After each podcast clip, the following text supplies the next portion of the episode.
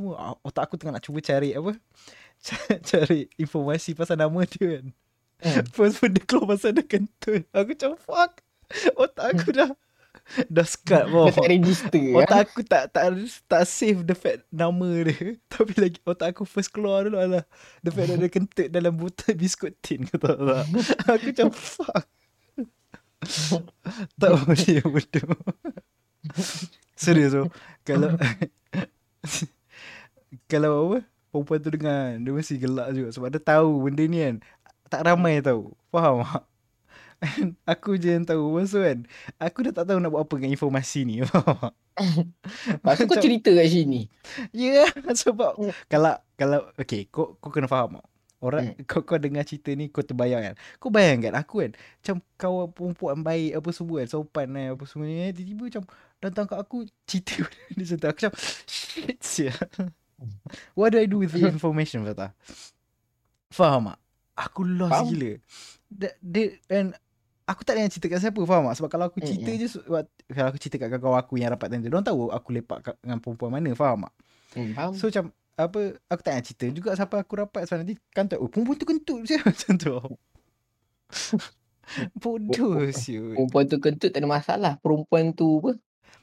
Ma- macam tu. Ha, the fact that dia siap kasih backstory lagi kenapa apa semua. Aku macam bro aku aku tapi tadi tu aku tak ada nak cakap macam apa sebab dia aku rasa dia dah selesa dengan aku so dia cerita tak adalah aku Mm. nak cakap tak nak cerita faham tak aku macam Mm-mm. biarkan je lah dia nak cerita kan nak kongsi aku Mm-mm. macam aku tak tahu lah apa conversation kita orang waktu tu kan sampai tiba-tiba dia cerita pasal like oh waktu kecil dulu dia selalu kentut dengan bapak dia dalam satu tin biskut Feels bad tu kau register dia macam tu. eh tak oh ngok tak okay firstly kenapa dia cerita kat aku itu satu Mungkin dia, dia selesa dengan kau. Yelah dia selesa pun kan Tapi Hmm. masalah dia Aku tak pernah pun macam like Kentut depan dia ke apa Faham? Aku macam Hmm. Still Jaga Sopan. ah, Sopan lah kan Ni Hmm. sampai bodoh Dia macam punya berani macam Aku cakap kau buat apa ni Aku punya genuinely risau Macam eh kau faham Hmm. okay tak Tiba duduk Hmm. luar kelas kan Seorang-seorang Lepas tu pandang aku gelak senyum Kentut Macam tu Aku macam happy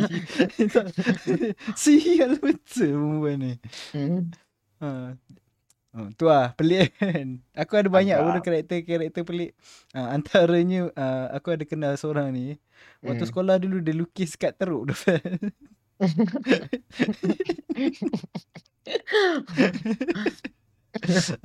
tak apa tak apa. Tu tu, tu cerita uh, cerita last last week aku tak nak sambung. Uh, so itu ada. Apa Oh, speaking of pelik kan. Kau tak kau dah Mm-mm. tengok ah pasal kisah MC Plus tuition tu Ah, viral tu. aha. Itu aku tak aku just tahu-tahu lah dia panggil daddy apa Ah, semua. ya, ya. Itu itu itu aku tak tak tak tak apa orang kata tak cakna lah orang kata. Ni antara Tapi orang nak ba- bagi daddy Faham? tapi tu lah tak, asal apa kau kenapa tahu dengan MC Plus tu? Tak sebab aku just tak ah, tiba-tiba cerita pasal pelik-pelik kan otak aku teringat Hmm. pula. Sebab budak kau tahu tak student-student dia dekat Twitter macam defend macam uish kita orang panggil dia macam ayah je mana ada macam daddy ni. Tapi kau tengok video dia orang menjerit-jerit macam apa jumpa K-pop star apa semua tu. Melompat-lompat. Serius ah? Ya, serius tu. Dia, dia, oh mamat tu kan dia turun apa turun escalator kan. Hmm, Perempuan macam jerit tu. Macam Ya, artis ya. je. Kau, Iya. kau Serius. dibayar kot actor. Tak bungok Aku tak rasa tu actor Budak tu memang genuinely happy tu Kau kena tahu Budak Melayu mana pandai berlakon Berlakon Kau tengok mana Kau pernah tengok cerita Melayu Budak apa budak-budak ada berlakon macam mana Mana pandai berlakon ni Memang genuine happy tu Melompat-lompat tu Pelik shoot. Handsome pun lelaki tu. Aku tak tak tak Aku tahu, pun tak pernah tahu tengok. Tak tahu apa dia punya tarikan Dia pun Oh. melayan Oh, Itu lah cerita dia feels bad. You nak sembang pelik lagi. Hmm, tu, tu. Um, Ha. um, aku ada sekali tau. Satu Hmm. bilik dengan aku duduk universiti 4 tahun kan. Mhm. So first year aku dengan seorang ni. Second year first dengan second ah second year, second year aku dah pisah lah dengan dia. Hmm. Tapi third year dengan third year dengan fourth year aku dengan dia balik. Hmm. Waktu second year tu aku dengan orang lain tau. Hmm. Dengan waktu dengan orang lain ni dia pelik sikit tau. Ha. Dia jenis tak ada tak adalah nak kan nak cakap nak melambatkan solat apa semua. Tapi dia Hmm. jenis macam tak apalah aku nak tidur dulu apa semua. Hmm. Lepas tu dia pula macam junior kan aku dah aku dia first year aku second year kan. Hmm. So dia ni yang peliknya dia macam pukul 9 ni tu dia tidur tau. Hmm. Aku jenis yang berjaga malam nak buat kerja apa semua kan. Hmm. So at one time aku macam weekend nak tidur lambat. So pukul 2 member bangun tiba-tiba isap okok. Memang bangun tengah pagi nak isap okok. Ah, Oh, ah, bangun Allah. pagi lepas tu keluar isap okok. Aku pelik kan. Dia buat apa kan? Lepas tu masuk balik. Lepas tu dia tanya aku. Eh tah. Ah. Asal aku isap okok ah? Ha? Dia cakap ah, mana aku tahu kau lah. Ngidam ah. Tak ada lah. Aku nak tanya kau kenapa isap okok ah?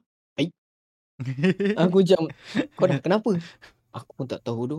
Lepas tu kan kau tahu dia keluar dia ambil uduk apa semua. Dia semayang. Aku tanya, semayang apa? Tahajud dia. Tak, aku semayang isyak tu. Serius lah. Serius. Dua pagi. Lepas tu aku macam, oh tak apa lah. Member at least ingat semayang apa semua kan. Lepas tu aku tanya, kau nak tidur balik ke? Tak ada buat assignment. Lepas tu sambung okok balik. Lepas tu tidur. Aku macam tidur balik tau. Macam, ya, member tidur balik kata nak buat assignment kan. Esoknya dia, bang, dia, bangun kan. Lepas tu cakap aku, atas semalam apa benda aku buat? Mana aku tahu kau lah. Eh serius lah. Serius, serius. Aku cerita lah balik apa semua. Hmm. Oh sorry tu, itu sebenarnya aku tengah apa? Uh, sleepwalking. Oi, tak, Kira tak. macam, Tu bukan sleep walking tu Fat. Tu dia lagi Ha? lagi critical. Sleep smoking. aku tak tahu. Tapi member gila babi macam tu. Aku macam, what, wait, what? Macam tu lah, pelik. What the hell? Ah. sleep, walking ni Hmm. siap solat tu. Bagus tu. Ah, aku tak tahu. Aku, aku dia ni critical teruk Imam Mat ni.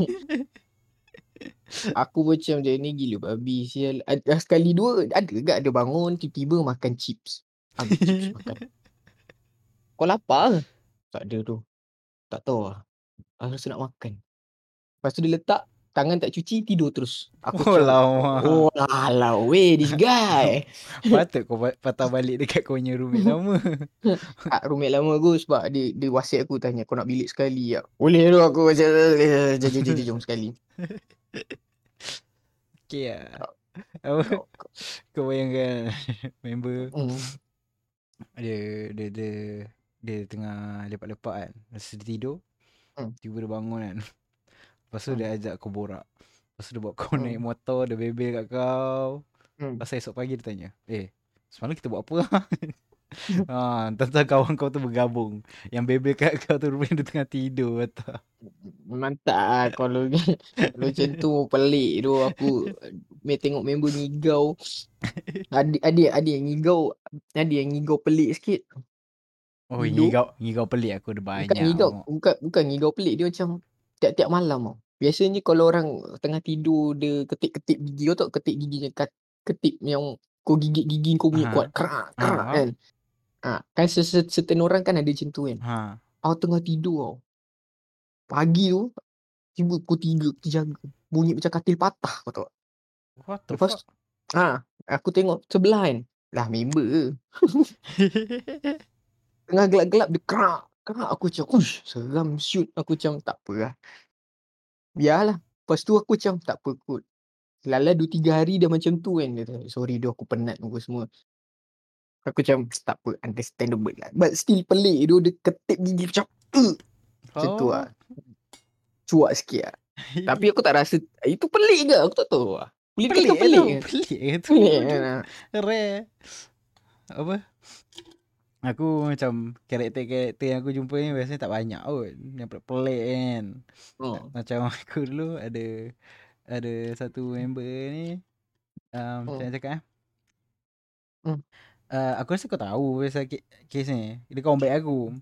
Hmm. Apa family lawyer, bapak lawyer Hmm. apa semua kan. Semua Hmm. lepas tu dia pun memang kat kelas semua memang nampak macam lawyer gila lah kan. Nampak macam Hmm. kalau sesiapa yang macam kau kau tahu kan macam kau tengok kawan-kawan kau kan macam oh ni yang Hmm. paling akan menjadi lah faham tak macam kalau Hmm. kan kau sekali psikologi mesti kau ada satu kawan tu macam classmate kau macam oh yang ni memang confirm jadi doktor faham tak psikologi apa semua kan. kau kau ada mesti ada satu kawan macam tu aku ada satu Hmm. kawan ni macam setiap kali lecturer tanya soalan kan dia macam ah, cara dia cakap cara dia explain macam oh ni lawyer Hmm. betul kan boleh jadi politician kan Hmm, hmm, hmm. Tuk-tuk sekarang ni dia jadi apa penternak arnab. Serius tu. Lain macam. Iyo tu. Apa kes dia macam ah dia memang suka um, binatang eksotik. Ya. Yeah. Hmm. So um, aku memang kawan dengan dia dah lama lah. Memang dia suka binatang eksotik. Aku ingat je antara hadiah aku ingat dia nak kasih aku hadiah. Hmm. Tahu dia nak kasih aku apa? Ya apa? Sepasang gecko. Sepasang gecko eh. Ha, masa aku beritahu Bukan saya. aku beritahu mak aku, aku kata, "Eh, kau kat rumah ni ada banyak cicak kau pergi tangkap cicak tu." aku cakap ni gecko, seekor boleh sampai 250 seekor. Cakap, Eh? "Ah, tak ada, tak ada, tak ada." so, aku cakap, "Oi, bro, apa mak aku tak kasi tu." Ah, too bad cakap kan. Sebab dia sebab dia ada sebab dia ada menternak tau. Faham tak? Sebab Hmm, hmm. basically dia, dia simpan semua dalam apa ada kotak-kotak masing-masing kan. Hmm, So hmm, bila hmm. dia nak ada duit nanti dia akan macam pasangkan apa yang betina dengan jantan pasal nanti dia buat telur pasal nanti dia akan like jual-jual-jual faham tak? Tu, Faham, faham, tu cara buat duit lah. Hmm. Dia dia memang suka benda tu kan. Mana yang cantik dia simpan untuk dia macam tu lah. Pasal uh, antara benda yang dia, dia bela juga ular. Hmm. So, setiap kali aku datang aku memang dah jadi habit lah. Aku cakap eh aku nak nak nak pegang ular kau boleh tak? Pegang ular kau. Hmm. Tu Ah, betul. selalu ada ada lawak macam ular aku. Hmm? Black mamba. Hmm. bukan bodoh ular ular kau lah ular apa ular. So dia ada ball python lah. ha. Ha ular Ha. dia ada ball python tau. And ball Oh, python ber- ni macam dia akan jadi bola lepas tu kau boleh macam letak kat tangan kau and dia tak bergerak kan. Ha. And zaman dulu-dulu zaman like zaman Egypt apa semua kan orang pakai benda ular tu untuk aksesori. So orang Ish. akan letak macam gelang, ular tu jadi Binat- macam gelang. Binatang tak patut. Tak tak, dia python, ball python, dia memang akan jadi macam bola. Kau boleh google lah. So, betul. uh, aku suka pegang seekor ni. Hmm. And setiap kali aku datang rumah dia lepak, mesti aku cakap, eh nak pegang, aku tak ingat nama dia apa. Dia macam nama perempuan, orang putih macam Clancy, something lah nama dia. Karen. Something lah. Tak, perempuan, so, Ya Karen. pasal something lah. Uh, uh, lepas tu aku macam, setiap kali aku datang, aku nak pet dia kan. Pasal Mm-mm. sekali ni, sebab kau kena faham, ular, dia tak makan setiap hari. Faham tak? Oh, Dia betul? makan macam sebulan sekali, lepas tu dia makan, dia hadam, lepas tu dia shake kulit, lepas tu ah, something like that lah. Aku tak tahu. Hmm. Kalau ada orang yang bela ular, please jangan bash aku. Aku just tahu yang the fact that dia orang jarang makan. And dia macam Mm-mm. like satu best jaga ular sebab macam kau makan kasih makan banyak sampai dia kenyang lepas tu dia akan stop makan dia akan hadam semua benda tu dia akan jadi lagi panjang dia akan Mm. saling kulit lepas tu dia akan berak apa semua tapi macam Mm. kau tak payah nak jaga selalu basically Hmm, okay. ha. so Betul? nak jadikan cerita aku tak tahu Mm. ular ni dah, Hmm. dah lama tak makan maksudnya apa kawan aku tak kasi makan sebab basically kawan aku macam malas sikit nak uh, kasih dia makan sebab Mm. ular ni macam dia kan mata dia pakai heat vision Hmm. So kau kena panaskan apa uh, panaskan badan so ba- basically kau kau akan beli tikus hidup Hmm. tak pun kau kena beli tikus frozen dekat apa pet store ke apa lepas tu kau kena panaskan pakai heat lamp tau.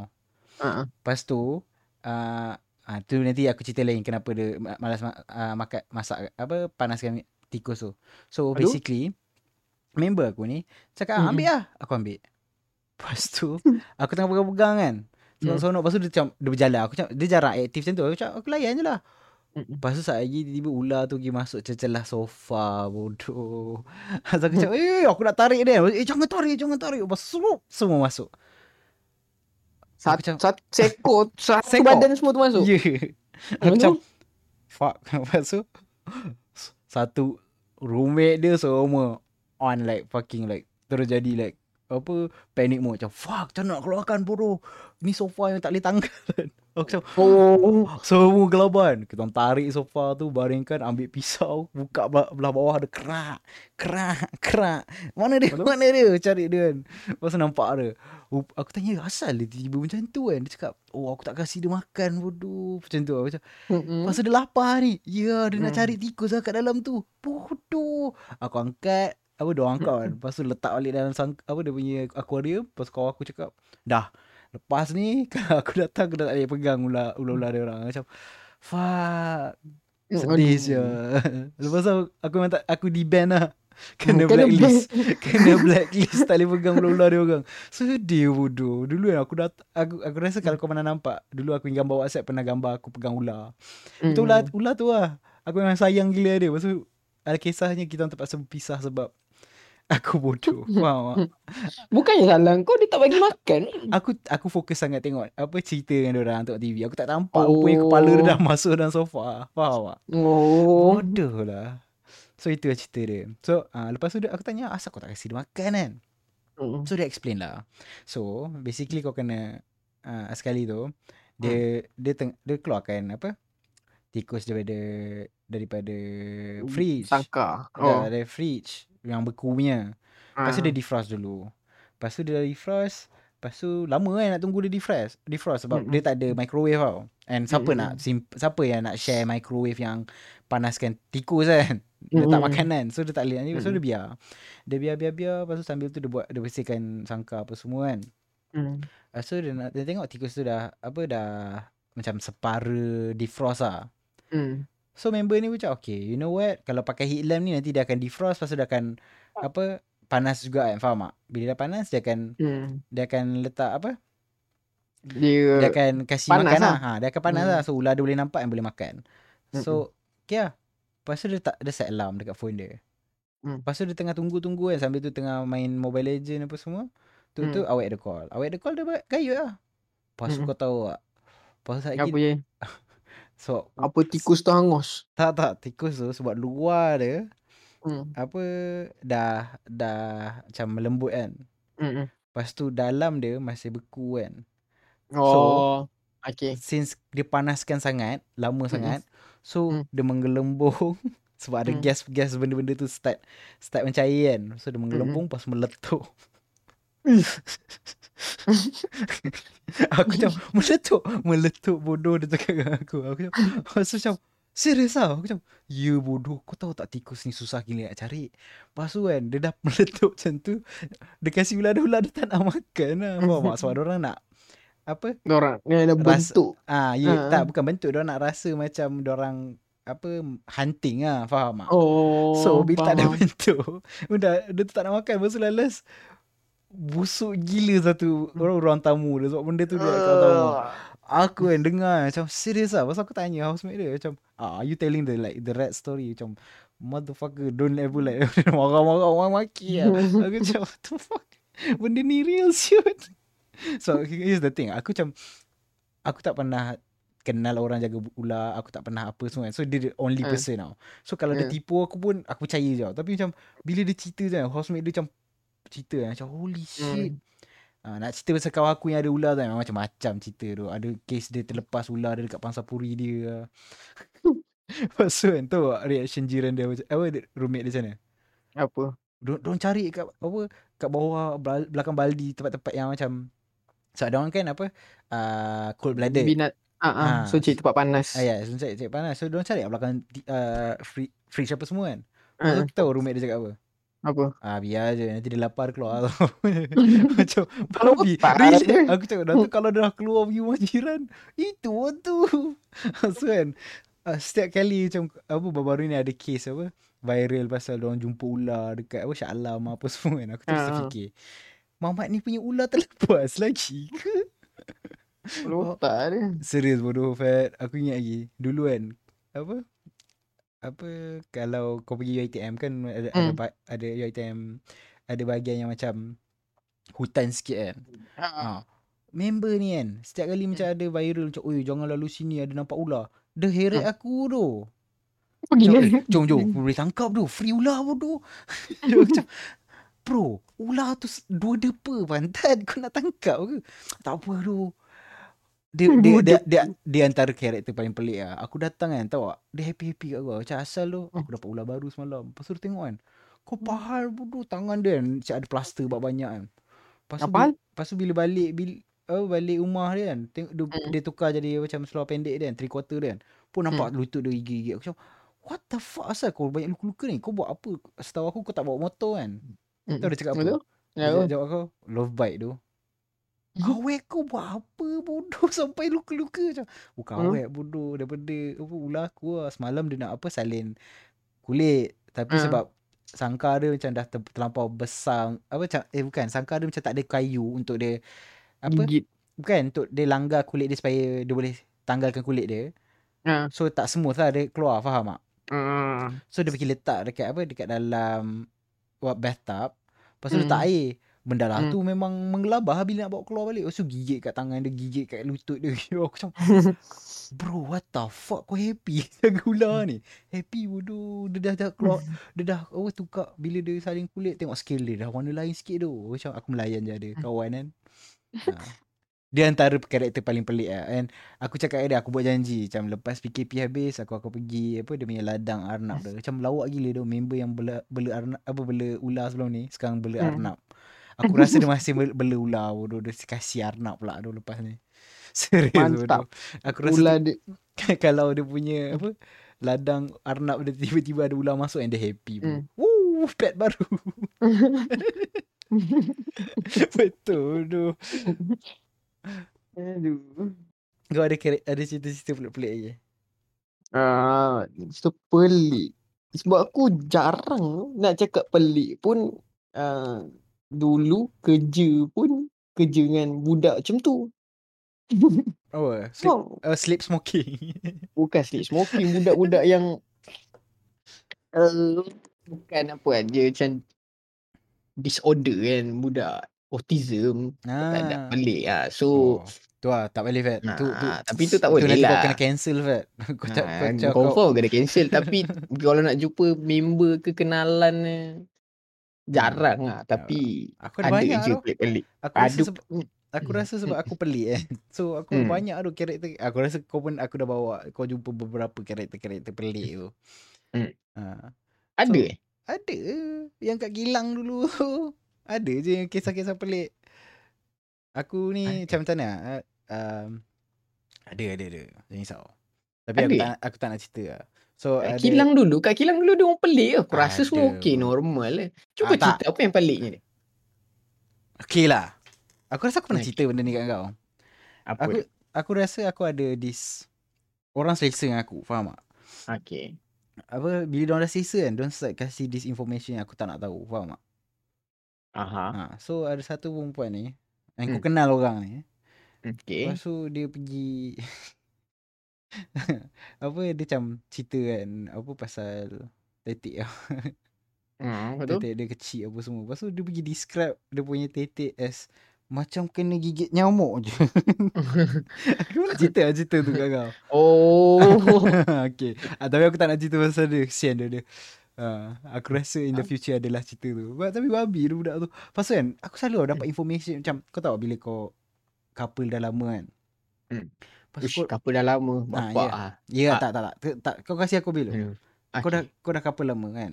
Okey. Kau dah kenal lama. So kau dapat this information macam, oh Minah ni suka apa. Kau ni apa. Kau apa dia tak suka apa. Apa yang dia jenis macam pantang. Faham tak? Ah, ah, ah. So kau kenal kenal kenal kenal kenal kenal. Lepas tu bila, kau dah break up, macam kau nak Ha. buat apa bodoh dengan information yang kau tak kau dah simpan sama ni faham tak? Ah. Ah, sama lah macam aku sekarang. Benda-benda ni kan macam shit.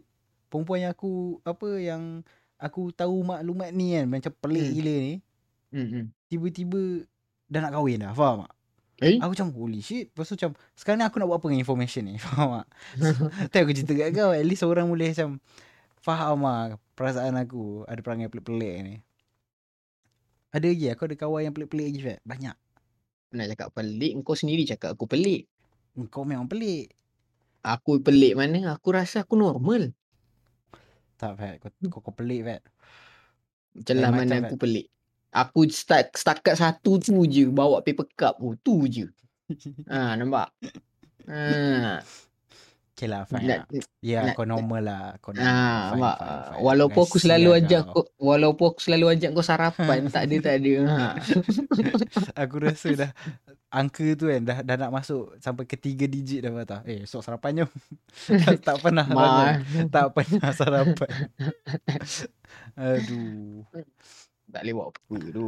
Me- Member aku bangun ada alarm.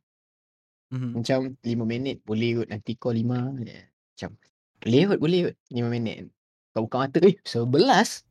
Wow. Butuh aku siap kerja. Eh Fat. Jadi lah ni. Ah, tak jadi oh. Terus tidur balik.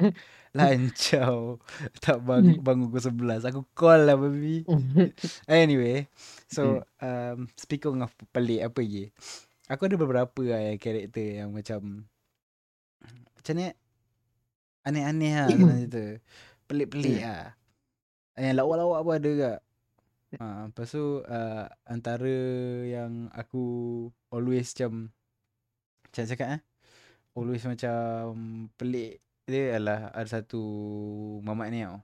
Hmm. So macam dia ni memang saya nak cakap eh memang dia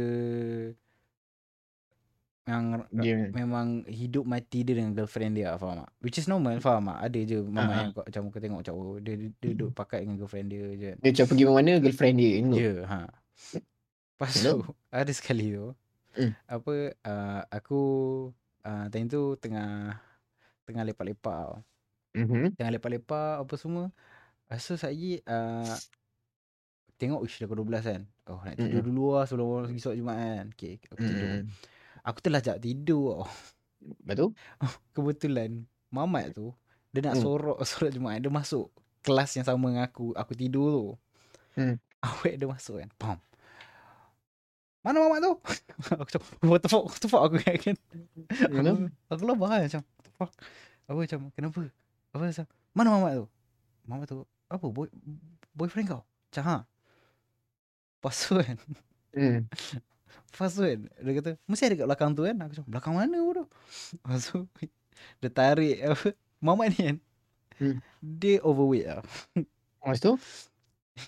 Dia dia, dia Kau tahu yang dia susun kerusi Lepas tu dia, dia, dia tolak kerusi tu masuk Lepas tu dia tidur In between ruang kerusi dengan meja Supaya dia nyok, nyorok solat Supaya awet dia tak jumpa Macam mana? Kau tahu macam kursi kelas kan Ah, kursi kelas. ha, Kan kau boleh Ha. tolak masuk kan Ha. Ah, so macam ada ruang between kursi tu dengan meja Ah. tu kan. Ah, Ah. member tu tidur betul-betul baring kat celah tu. Lepas tu kan, yang lawak dia, awak tu masuk kan. Lepas tu dia, ta- dia tarik you kan. Kat sini lagi. Aku macam, wuih, bukan first time.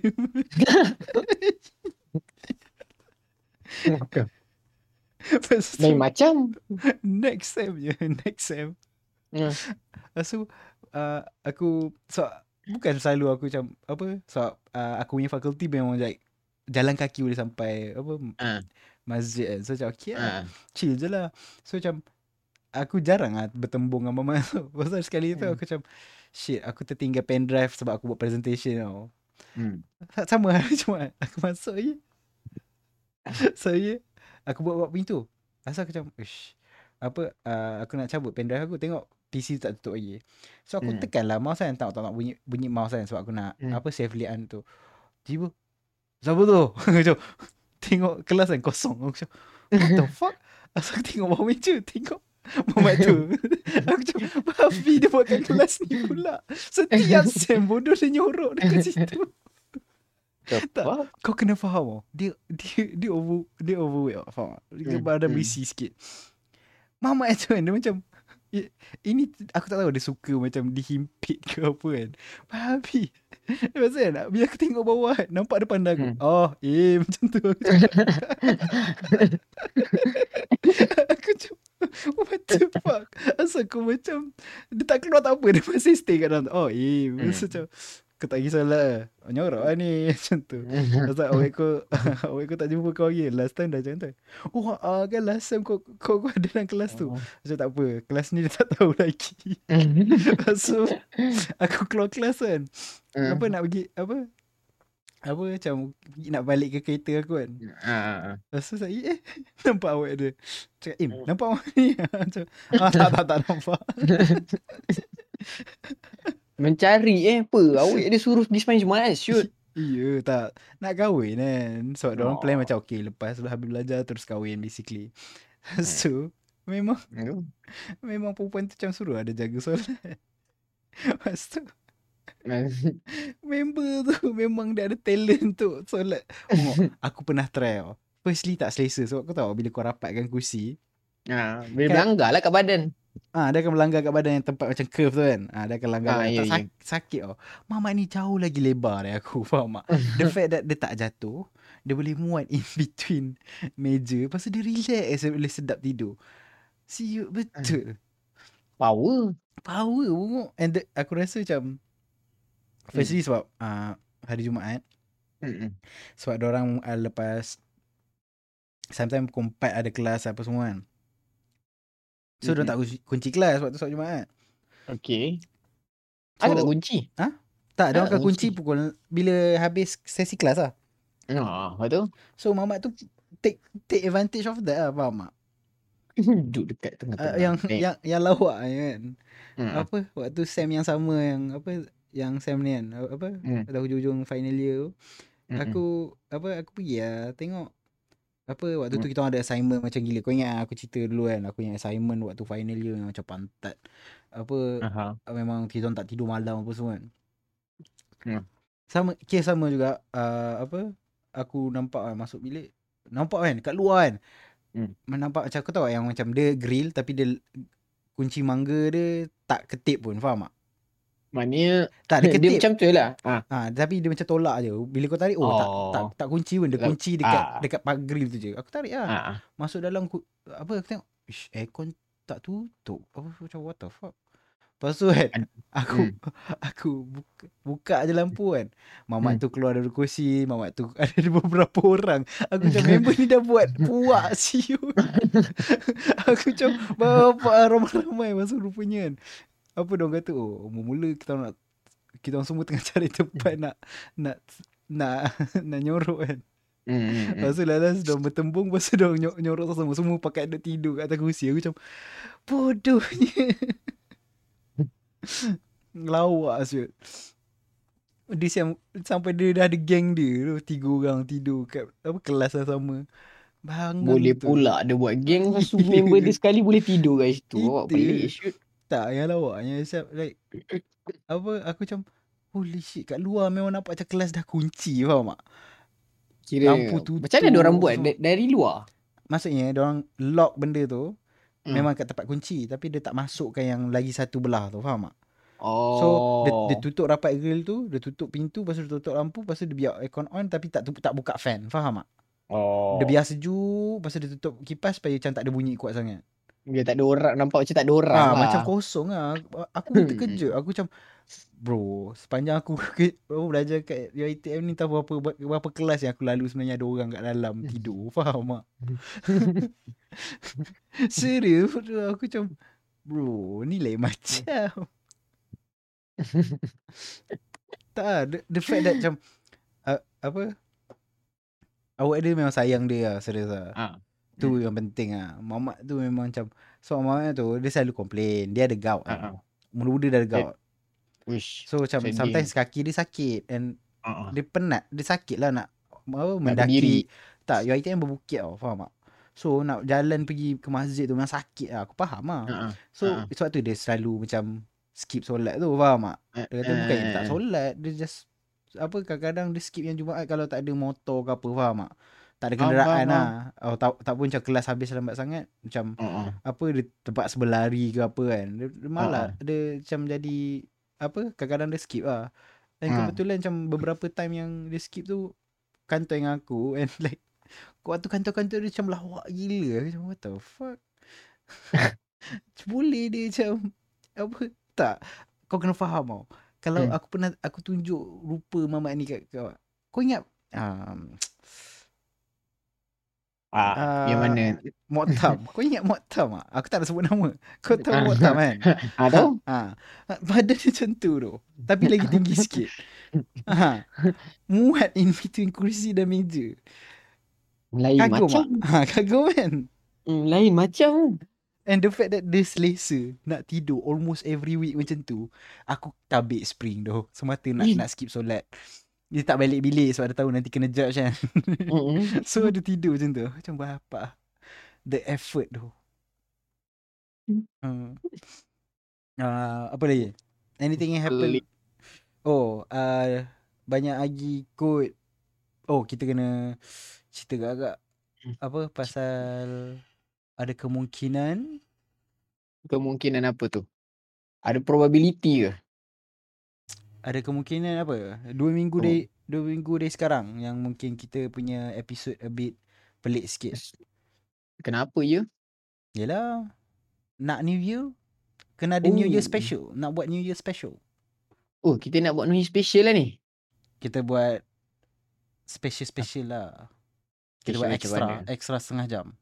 Oh, Kita buat one one episode one hour. Lepas tu lagi separuh, lagi setengah jam tu kita just apa buat extra episode.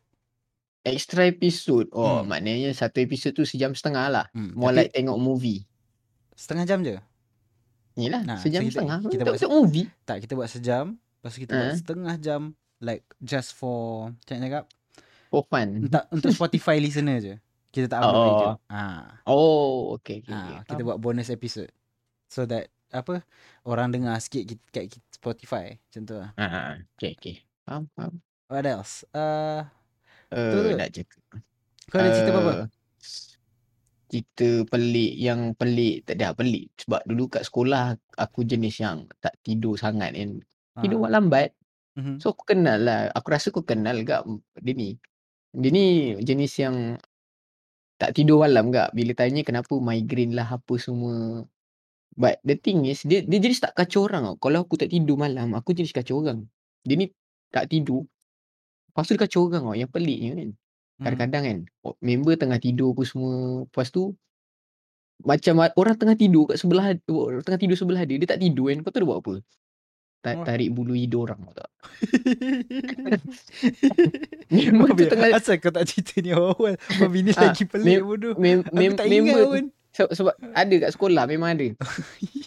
Dulu. Aku ingat lagi sebab time tu aku rapat dengan dia pun semua. Aku macam dia ni tak tidur, aku pun tak tidur kan. Macam tak apa lah, layan lah dia tengah-tengah malam. Minum kopi sekali. Tapi sekali tu seorang semua dah tidur tinggal aku dengan dia kan. Mhm. Aku jenis macam Yelah budak asrama kan suka letak kat tilam bawah apa semua tidur Ah. ramai-ramai kan. Ha. So aku aku jenis tidur sebelah dia tau. Yang s- kira dia sebelah kanan aku, sebelah kanan dia lagi ada orang tau. Ah, Mamat tu selalu tau macam nak tidur sebelah dia kan. Aku macam lantak kau lah kan. Mhm. Lepas tu mem- yang yang Mamat yang aku nak cerita ni, dia jenis yang kalau tak tidur kacau orang. Mhm. Dia sampai ke at one time dia macam member aku member aku yang waktu kat EU tu. Dia cerita-cerita aku dah tertidur apa semua. Mhm. Ha, lepas tu esok dia marah-marah aku lah. Habis ada satu malam dia tak tidur. Yang sebelah sana dia dah dia dah berdengkur sedap apa semua. Dah dah kan. Ha. Member tengok kan, eh dia dah berdengkur tu Fat. Ah ya asal. Kau tahu dia buat apa? Dia kuku dia panjang, dia pergi tarik. Bulu hidung Mamat. Semua Ui sakit bodoh. Aduh kan. Lepas tu dia tak boleh benar kan. Mamat yang yang tidur berdengkur tu dah sakit kan. Lepas tu kan, ui sakit tu jangan macam tu tu. Tengah tidur tu sedap tengah tidur. Lepas tu kan, ingatkan member nak beduk ke apa kan. Mesti sambung tidur balik. Macam, wow. Dia ingat esok Ah, ingat memang memang di, memang dalam apa ni tak silap aku tengah lepak waktu rehat dia marah. Bodoh aku tengah tidur kau pergi kacau aku macam tu aku macam ai asal tak marah malam semalam. Kau bawa marah tu ha, waktu esok rehat hari ni. Ah, aku macam kau kau apa so tanya, aku tanya dia. Kenapa kau tak kau tak marah dia malam tu ah? Uish sedap tidur tu. Malam tu malam hujan. Aku ingat lagi malam tu sebab malam tu aku tidur pakai selimut. Jarang tidur pakai selimut. Ya duduk tu. duduk kat sekolah tu. Sekolah tu memang Nah, panas kan. panas Tapi sebab- bodoh Tapi hujan dia sedap tidur sejuk kan. Yelah Ah. atap zinc Ah. bodoh Dia bukan Ah, atap lepas- atap atap Ah, zinc yelah ma- ma- masalahnya member tu tarik tarik bulu hidung member tu. member tu marah tak marah. Tu sambung tidur aku pelik. Ui sambung tidur. Syut dia dua ni memang dia dua pelik, super pelik. Lepas tu Wish kat sekolah tu banyak karakter pelik ah lah. lepas tu yang yang yang yang dah yang dia dah cabut bulu orang pun semua. Wish tak kacau tak best lah. Jom ah, Pat, kita jalan-jalan kat luar. Aku ikut ada jalan kan. Mhm. Lagi kan kan kat depan uh, dom laki tu kan ada macam bukan pentas macam ada pondok kan. Ingat Mhm. ada pondok. Lepas tu ada batu batu kerusi batu tu kan. Mhm. Lepas tu dia dia cakap aku jom kita duduk situ. Duduk lah dengan dia. Kena dengan nyamuk apa semua dengan dia kan. Kau tahu Ah. sampai pukul berapa aku duduk dengan dia? Apa? Sampai 2 pagi. What the Tak, fuck tak, tak, tak sembang tak ada apa. Kita orang Duduk senyap. Ah duduk. Lepas tu aku tanya dia, kita buat apa sini 2 jam? Tak tahu. Kau kau, kau ada apa-apa? Tak ada tu. Aku tanya eh. Dah tu kau bawa aku ke sini nak buat apa? Saja. Kau tak ngantuk ke? Tak doh, dah pukul 2 doh. Tak nak tidur. Satgi orang nak orang nak bangun apa semua, nak buat qiyam ke. Satgi ada seorang lagi keluar. Budak junior. Tengok. Abang tak tidur ke? Tidur apa? Tak boleh tidur. Kau kenapa tak tidur? Saya lagi toilet. Saya ingat ada hantu apa semua. Saya tengok. Rupanya ada abang dua ni. Tak apa lah. Tak jadi lah. Lepas tu pergi toilet apa semua kan. Abang boleh tunggu tak? Member aku tu, takut. me- member tu kau tahu dia buat apa? Pergi tutup lampu. Gila jahat syut. Aku macam, kau ni kau tak tidur memang kerja kacau orang eh. Tak, lah. Aku aku serius sekolah tu kan. Orang semua buat perangai pelik tahu sebab apa? Buat apa? Boring. Bosan. Serius sekolah tu bosan. Tak, dia, dia, dia dah tutup lampu. Bud- Budak tu dah jerit-jerit apa semua. Tapi pukul 2 tu siapa nak dengar? Budak tu dah jerit apa semua. Lepas tu dia buka lampu balik kan. Budak tu dah keluar macam nak nangis-nangis kan. Lepas tu, dia buat tak tahu. Masuk bilik balik. Masuk dom. Baring sebelah aku terus tidur. Aku macam, eh terus tidur shoot member. Aku time tu, malam tu aku tengah brain. Apa jadi shoot malam ni memang What the hell? pelik. Pelik memang betul. pelik shoot. Tapi tu lah. Mem. Kau ingat yang aku cerita yang Hmm. apa kawan kita ada satu kawan tu dia duduk satu kawasan dengan rumah kau gak. Aha. Mak ada kerja Nestle tu. Aha. Lepas tu dia bawa satu apa time tu Maggie buat apa perisa daging. Hmm. And benda tu tak keluar lagi. Dia bawa Aha. enam paket dia kata nak makan tak? Oh cuma Lepas tu aku tanya dia nak makan dalam apa kan. Bekas Hmm. tak ada. Hmm. Lepas tu member kata pakai baldi lah. Pakai baldi. ah baldi lah. Pakai baldi siapa? Lepas tu dia rembat orang punya. Dia kata ah ni baldi kecil. Lepas tu masuk kelas ambil air panas makan dalam baldi. Buat Maggi apa enam paket dalam baldi. Lepas tu Wow. aku tak lupa bodoh sebab sekolah tu kan memang aku tak nak cakap apa. Power gila dia punya push orang punya kebosanan sampai orang macam ah memang buat je. Itu boring tak ni memang pelik. tak Itu- pelik. Tak budak tu memang pelik. Kan last week aku aku cerita yang budak tu pergi dia tak ada tak ada tali pinggang, dia ci- cilok Oh. apa tali kasut orang lepas tu pakai untuk ikat seluar. dia. Tak pelik kau cakap kat aku. Mamat tu pelik munguk. Lepas tu kau tahu lagi satu perangai dia, dia suka buat apa? Apa dia? Uh, dia suka apa? Uh, lompat. Oh, Aha. dia suka parkour. Lepas Lepas tu kan Aku ingat ye apa uh, Kau ingat surau kat belakang Yang selalu kita tempat lepak kan Yang ada Ah, almari tu kan? ah, ah, ah. Budak tu kan Convince aku Hmm. lompat. Aduh. Sampai ke tanah kat bawah Kat belakang Aha. Asal aku lompat. Tu? Dia cakap Bukan macam tu. Tu dia lompat. Tu dia suruh aku roll. Baru kaki tak sakit. Macam mana eh. Lepas tu kita orang Buat lagi Buat lagi. Tak ada siapa nampak Kita orang lompat Belakang surau. Lepas tu aku macam Waktu tu aku tahu macam Oh kalau tinggi ni Aku boleh hidup tu Kalau kalau aku lompat The Hmm. only time aku macam pernah merasa parkour Aku Hmm. lompat like tingkat satu dia tempat tu Naik naik atas Hmm. tembok tu tau Baru terjun hmm. Budak tu lah Waktu form 3 dia ajar aku Macam ni Kau, kau turun tu sebelum Kaki kau dapat oh, Sentuh je tanah Kau terus guling Faham tak Serius guling Jangan Jangan Jangan di, ditegak Nanti semua kini kaki sakit tau Aku Hmm. buat beberapa kali. Lepas tu Bila aku dah confident sikit kan Budak tu macam Oh jom lah kita try lagi kan. Cuba kau lompat kan Kalau tidak kita terjun je Dia suruh aku macam ada airlift lagi. Lepas tu dia cakap Tengok tengok macam ni Dia buat. Aku macam holy shit. Tapi problem dia Bila kau dah lompat Faham tak. Kaki kau nak Macam ni Buat, Kalau kau terjun Kaki kau macam Ha. dah Kaki kau dah macam Dah longgar Faham tak? Tapi waktu Ah, ah, kalau ah. kau nak lompat Kau macam Kau akan lipat kaki kau kan Faham Ah, tak? betul? So aku pergi Aku tersalah. Lepas tu aku pergi letak semua pressure kat satu kaki. Lepas tu aku balik Apa Rumah oh, so, Time tu kita buat tu Tak ramai Hmm. orang sebab tengah oh, Orang tengah proses nak balik tau. Ah. Apa ya Cuti wajib balik lah time tu. Ah, okay.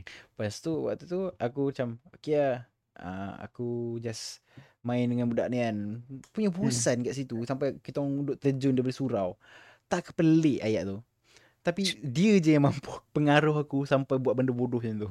So aku pun bosan gak And dia je yang macam Berani convince aku Hmm. Sebab dia tunjuk Boleh tu macam ni? Tunjuk faham tak Aku macam Bro Macam, Serius boleh boleh boleh. Dia cakap aku Boleh boleh boleh. Macam aku buat Oh boleh? Macam buat buat? Lepas tu kau tahu Hari tu aku balik Aku kena buka Hmm. kasut aku Pakai slipper sebelah sebab kaki aku bengkak macam bola tenis. Teruk Mak aku tanya kenapa ah, Jatuh Kau-kau. Jatuh dari tingkat satu babi Memang ah. Memang bengkak lah gila. Serius aku macam uh, So waktu tu kan Aku Dia ajak aku kan Lepas tu dia Hmm. uh, Kau tahu daripada tingkat dua Kelas kita tu Kan ada Ah, ah, tangga yang macam Patah balik tu kan ha, Dia Ah, ah. lompat daripada yang Hujung tu Hmm. Daripada macam Kan kau mula turun Lepas tu kau kena belok kiri Lepas tu turun Sambung turun kan Ah, ah. Ingat Ah. Tangga tu Mamat tu Ah, ah. Daripada tempat yang kau kena ke kiri tu Dia lompat Hmm. sampai ke tempat telefon tu Kepala otak dia. Jauh kan Jauh siut. Lepas tu dia kata Cuba kau try aim Kau lagi tinggi dia aku Aku macam Fuck off Aku dah tak nak tertipu Kau nak buat kau buat So budak, Menyesal lah. Kan budak tu lepas Apa Lepas sekolah Dia memang masuk X Games pun ah. Main inline apa semua Tapi ah. memang Waktu aku kenal tu kan Macam What the fuck Pelik tu ah, Tapi tu lah. At least Aku dah merasa Sekali parkour Aku dah Macam okay This is not for me Faham tak? Tapi at least aku tahu Macam mana nak terjun Betul-betul Kalau Apa Daripada tinggi. But Sebabkan dia Aku tak ada gayat. Ah. Aku hilang gayat semata sebab dia Sebab macam Holy shit. Lepas tu Tu yang aku lepas tu Aku rasa macam nak try bungee jumping. Aku nak try benda yang macam Tinggi lah Faham tak?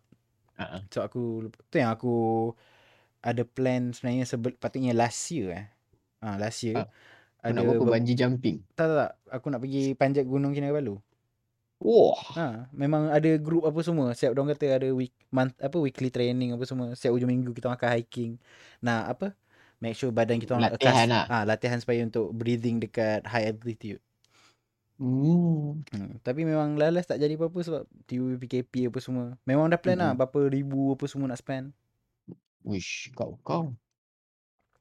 Which is nice lah. Macam aku macam tak banyak plan pun. Tapi sebabkan dia aku dah macam berani sikit buat benda-benda yang macam gila Kasar. sikit. Ya, kasar sikit, yes.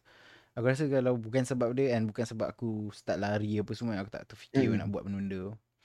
Mm. Hmm. Kau tahu apa yang paling pelik sebenarnya? Apa dia? Dah habis sejam tu. Serius ah? Serius dah sejam tengok. Dah. Dah sejam. Ai.